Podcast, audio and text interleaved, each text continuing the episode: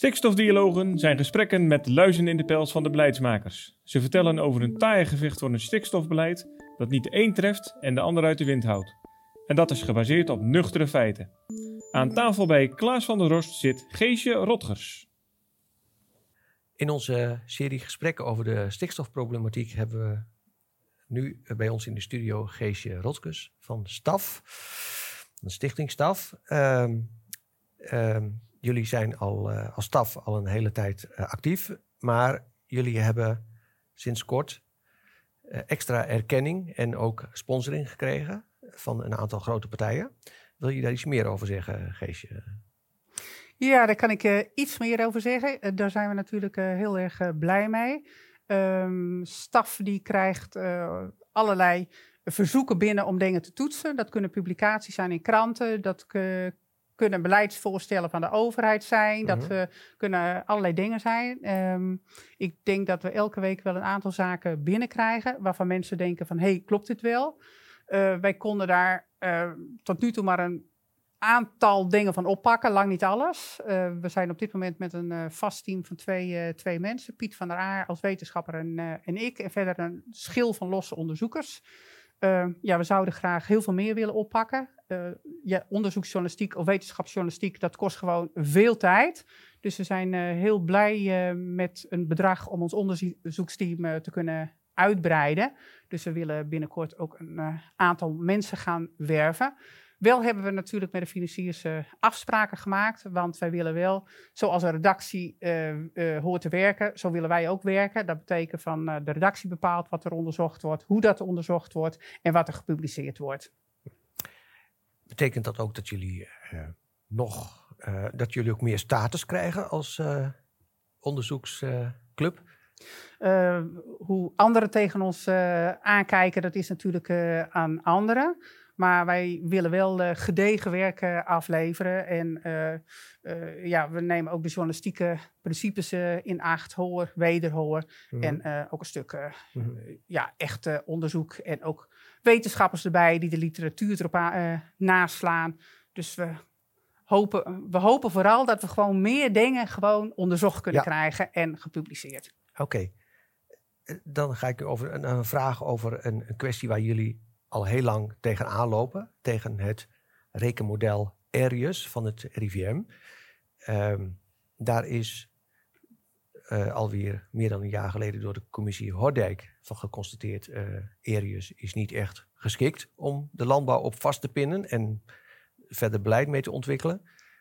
Toch uh, blijft Arius het favoriete instrument van de overheid... om de landbouw op af te rekenen. Ja, um, dat verbaasde mij eigenlijk ook. En uh, toen ik de nieuwe regeringsplannen zag, met daarin dat er uh, eh, 25 miljard wordt uitgetrokken om de stikstofcrisis te beteugelen, uh, ja, dan snap je wel dat Arius ook de komende jaren het favoriete model blijft, instrument blijft. Want zonder een dergelijk model zou je dit plan gewoon niet kunnen uitvoeren. Mm -hmm. En ik denk dat dat ook de reden is uh, dat de overheid zo vasthoudt aan dit model. Ook om uh, een stuk hervorming van uh, ja, het platteland door te voeren. Oké, okay. maar wat is dan de waarde geweest van zo'n onderzoek door de commissie Hordijk? Ja, dat vind ik ook een beetje verbazing, verbazingwekkend. Aanvankelijk was de onderzoeksopdracht aan de commissie Hoordijk ook iets anders. Het was uh, niet de bedoeling dat de commissie Hoordijk echt in het model zou kijken. Het was uh, de bedoeling dat zij uh, de processen zouden beoordelen. -huh. um, en het eerste rapport van de commissie Hoordijk, die gaf ook aan van ja, de processen voldoen eigenlijk wel. We zouden hier een beetje beter en daar nog een verbetering kunnen do doorvoeren. Maar men had toen niet in het model gekeken. En het is toch wel wat onder druk van het landbouwcollectief geweest. Uh, al de, de, hele collectieve, ja, al partijen uit de landbouw, dat heeft dan toch wel effect, zo'n collectief. Die zoveel druk op de ketel hebben gezet om ook in dat model te kijken of dat model klopt. En dat heeft men pas in tweede instantie gedaan, maar dat zat dus in eerste instantie niet in de opdracht. Uh, was het dan uh, voor de overheid ongewenste bijvangst? Um, ik, Ik denk dat de overheid sommige dingen niet graag in beeld uh, wil hebben. Um, zo is er natuurlijk al, ik denk, een jaar of tien kritiek op uh, dat Arius-model, dat het niet getoetst is met metingen. En dan hebben we het natuurlijk niet over uh, metingen in de lucht, zoals nu gebeurt. Want er wordt altijd gezegd, ja, we doen wel, uh, wel metingen. Ja, in de lucht. Mm -hmm. Maar we meten dus niet hoeveel stikstof daadwerkelijk neervalt in die natuurgebieden. Ja. Dat willen we gewoon, de overheid wil het niet meten. Ik heb daar al jaren discussie ook uh, over gevoerd met mensen van de overheid. Er wordt gezegd dat is veel te duur, veel te ingewikkeld, veel te moeilijk. Mm -hmm. Nou, uh, er is ook een podcast met Jan Kees Vogelaar. Ik denk dat het punt aan de orde is gekomen. Ja. Um, de Universiteit van Amsterdam heeft dus in de wereld gekeken van wat voor methoden zijn er. Betaalbare methoden om die stikstofdepositie wel te meten. En die heeft er zo een serie kunnen vinden. Dus, en die zijn niet van de laatste jaren. Dat had gewoon jaren geleden uh, Het is uh, bijna even ingewikkeld als het meten bij Schiphol en bij de Amercentrale misschien. Um, ik denk dat de stikstofneerslag van Schiphol niet wordt gemeten. Die wordt ook berekend. en even dan, uh, uh, je noemde zo straks al die 25 miljard, hè, ja. die, waar de overheid nu mee verder wil, hè, tenminste als oorlogskas. Ja. Um, ja, gaan we het daarmee redden? Um, ja, dat is een hele goede vraag. Dat weet dus helemaal niemand, want Brussel zegt natuurlijk dat het gaat om de natuurkwaliteit. En wat brengt Nederland nou precies niet in kaart? De natuurkwaliteit in de verschillende natuurgebieden. Mm -hmm. Nederland uh, levert wel wat cijfers in over de landelijke natuurkwaliteit. Mm -hmm. Maar het zegt natuurlijk niks over de natuurkwaliteit uh, bij uh, of, de individuele natuurgebieden. Want dat is waar de boer op afgerekend wordt. Mm -hmm. wordt op de natuurgebieden bij hun in de buurt. Ja. En de natuurkwaliteit in die gebieden wordt gewoon niet, uh, niet gemonitord. Dus die weten we niet. Mm -hmm. Dus we kunnen nu wel 25 miljard gaan investeren. Uh, maar als je niet weet wat dat gaat betekenen voor de natuurkwaliteit, dan blijft het allemaal gissen ja. en waarschijnlijk ook een heel stuk missen. Maar soms, als je de natuurkwaliteit, uh, de, de nagestreefde natuurkwaliteit maar hoog genoeg stelt, of laag genoeg stelt, ja, wat, wat, wat, wat bereik je dan? Hè? bedoel, het, als, als het heel hoog staat en, en, en, en het is niet, eh, maar het beantwoordt niet aan de realiteit. Ik meen zoiets ook te hebben gelezen rond het Wierdense veld. Ja. Uh, wat ben je dan aan het doen? Ja, kijk, uh, omdat Nederland de natuurkwaliteit gewoon niet echt meet, mm -hmm. uh, wordt een afgeleide gebruikt. Dat is het stikstofmodel. Dus in Nederland heerst ook heel breed het beeld als de, de de, de depositie, kritische depositiewaarde van stikstof wordt overschreden, mm. dan is het natuurgebied in gevaar. En als uh, er iets vergrast is, dan wordt ogenblikkelijk ge gewezen naar stikstof. Als er een uh, eikenboom doodgaat op de Veluwe, wordt ogenblikkelijk verwezen naar stikstof. Maar dat komt uit het model. Er ja. wordt verder helemaal niet gekeken naar die uh, tientallen andere factoren die ook een rol spelen. -hmm. Brussel gaat bijvoorbeeld uit van iets van 35 verschillende factoren die een rol spelen bij de natuurkwaliteit. In Nederland is er één: stikstof, stikstof, stikstof, stikstof. Oké. Okay. Dus uh, men houdt van bekende kost. Uh, ja, en wat je dus uh, ook ziet, als je alleen maar naar stikstof kijkt, en wat mm -hmm. Nederland ook gedaan heeft, Nederland heeft stikstofdoelen gesteld in het rekenmodel. Mm -hmm die voor een heel groot aantal gebieden gewoon per definitie onhaalbaar zijn. Wat je ook doet, ze zijn nooit haalbaar. Okay. Dus dat maakt het ook mogelijk om altijd maatregelen te kunnen opleggen. Vanwege het stikstofmodel. Ja. Kijk, als je naar de natuurkwaliteit zou kijken, en die natuurkwaliteit is prima, dan zijn verdere maatregelen niet nodig. Maar als je die natuurkwaliteit lekker niet naar kijkt, kun je, is er ook nooit iemand die zegt van hé, hey, maar wat het model zegt, dat klopt niet. Kijk maar naar de natuurbeoordeling. Ja. Die is er dus niet, dus er blijft alleen het stikstofmodel over.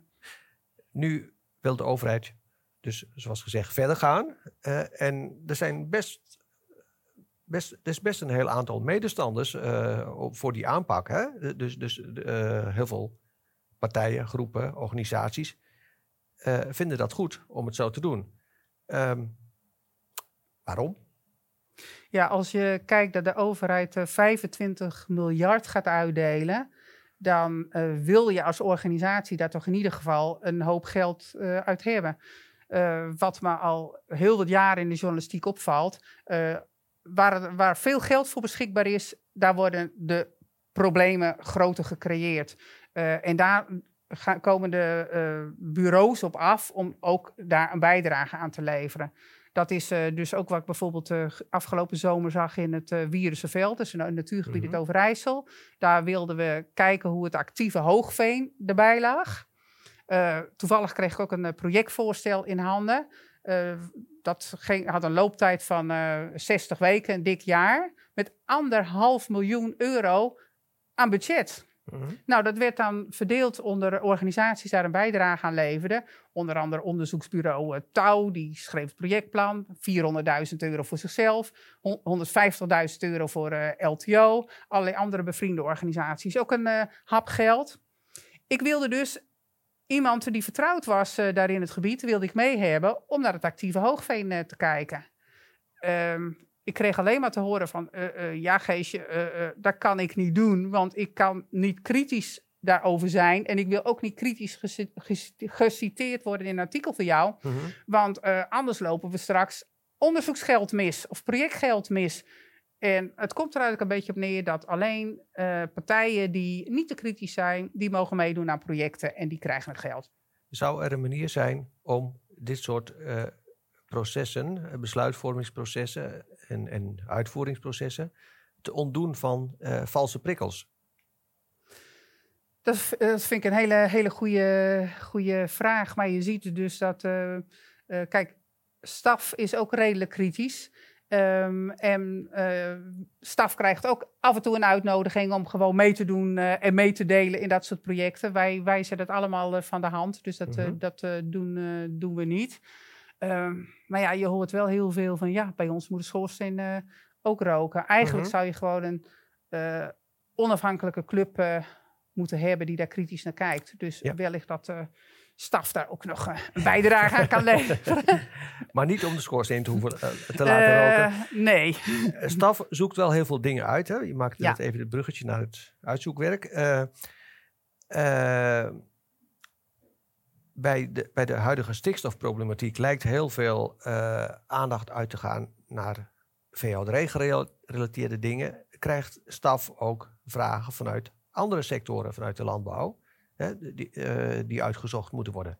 Nou, we hebben uh, de afgelopen tijd, sinds deze zomer, krijgen we veel vragen over uh, het zevende actieprogramma nitraatrichtlijn, uh, de kaderrichtlijn water. Er zitten nu heel veel uh, maatregelen in voor, voor akkerbouwers. Mm -hmm. En daar zien we eigenlijk hetzelfde als in de, de huidige stikstofproblematiek. Um, bij de waterkwaliteit wordt ook gewerkt met, met modellen. Dat is een cluster van modellen. Ja. Ik noem het maar even het watermodel.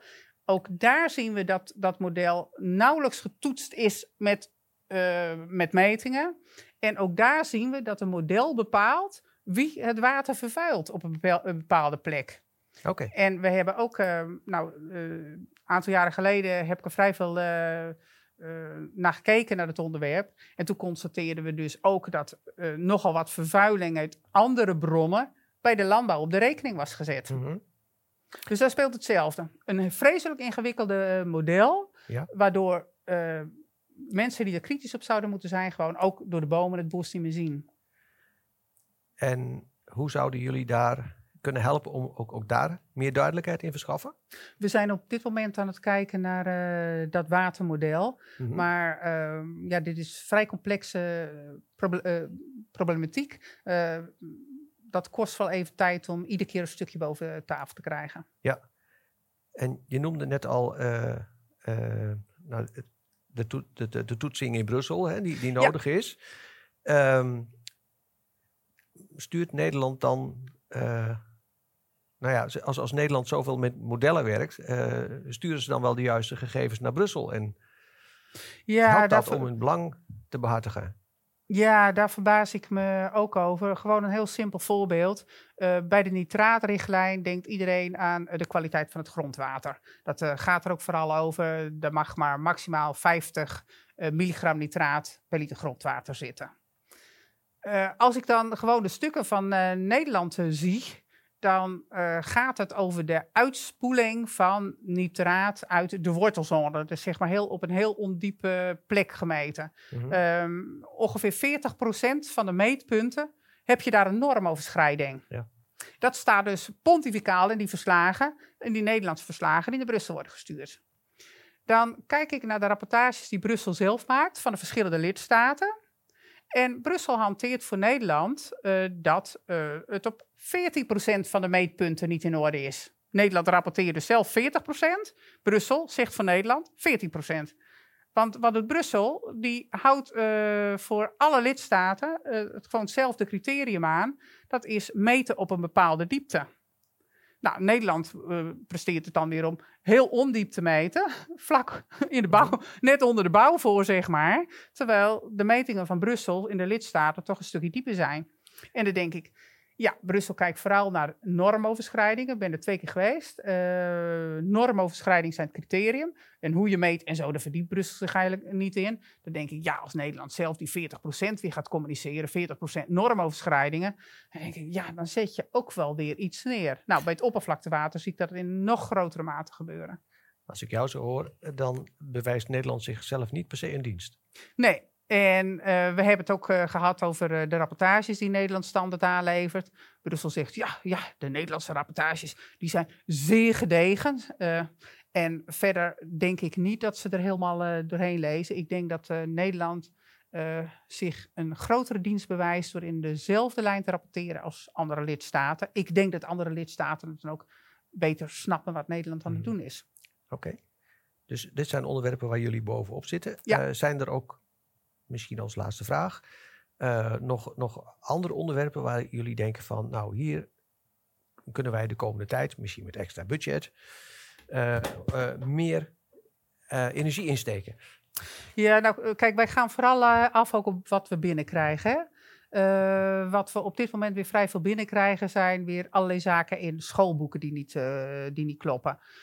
Wat we ook vrij veel binnenkrijgen zijn wat hardnekkige zaken die steeds terugkomen. Uh, een voorbeeld bijvoorbeeld um, uh, de, ja, dat er een heel groot verschil zit in uh, klimaatimpact van een vegetarisch of veganistisch dieet ten opzichte van een dieet met vlees. Nou, we hebben net gisteren daar zelfs bij een universiteit weer een klacht over ingediend. -hmm.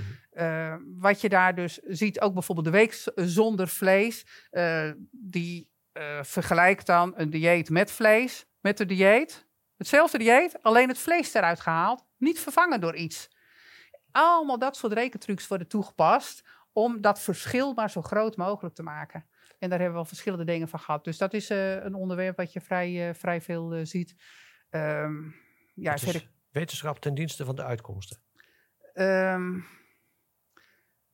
nou, je, zie, je ziet dat er creatief, creatief met cijfers gespeeld wordt. Kijk, eh, van, van NGO's, oké, dan kan je dat uh, bijvoorbeeld uh, verwachten. Uh, maar van universiteiten verwacht je toch dat als ze dat doen, dat ze dat er gewoon toch bijzetten hoe ze dat gedaan hebben. Nee, er wordt, dat wordt allemaal weggelaten. De essentiële mhm. informatie wordt weggelaten. Dus je moet het echt helemaal narekenen.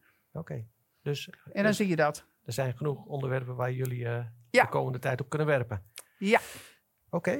En uh, uh, ja. zometeen kunnen we dus ook weer oproepen doen van jongens, leven vooral dingen aan. Oké, oké, ja, helder. En dan is het wachten wat, uh, wat we binnenkrijgen. Ja. ja. Nou, maar we bepalen dank... wel zelf wat we doen. Oké, okay. dank voor het gesprek. Oké. Okay. Graag gedaan. Dankjewel. Dank Geesje Rotgers. Dit was Stikstofdialogen. Tot een volgende keer.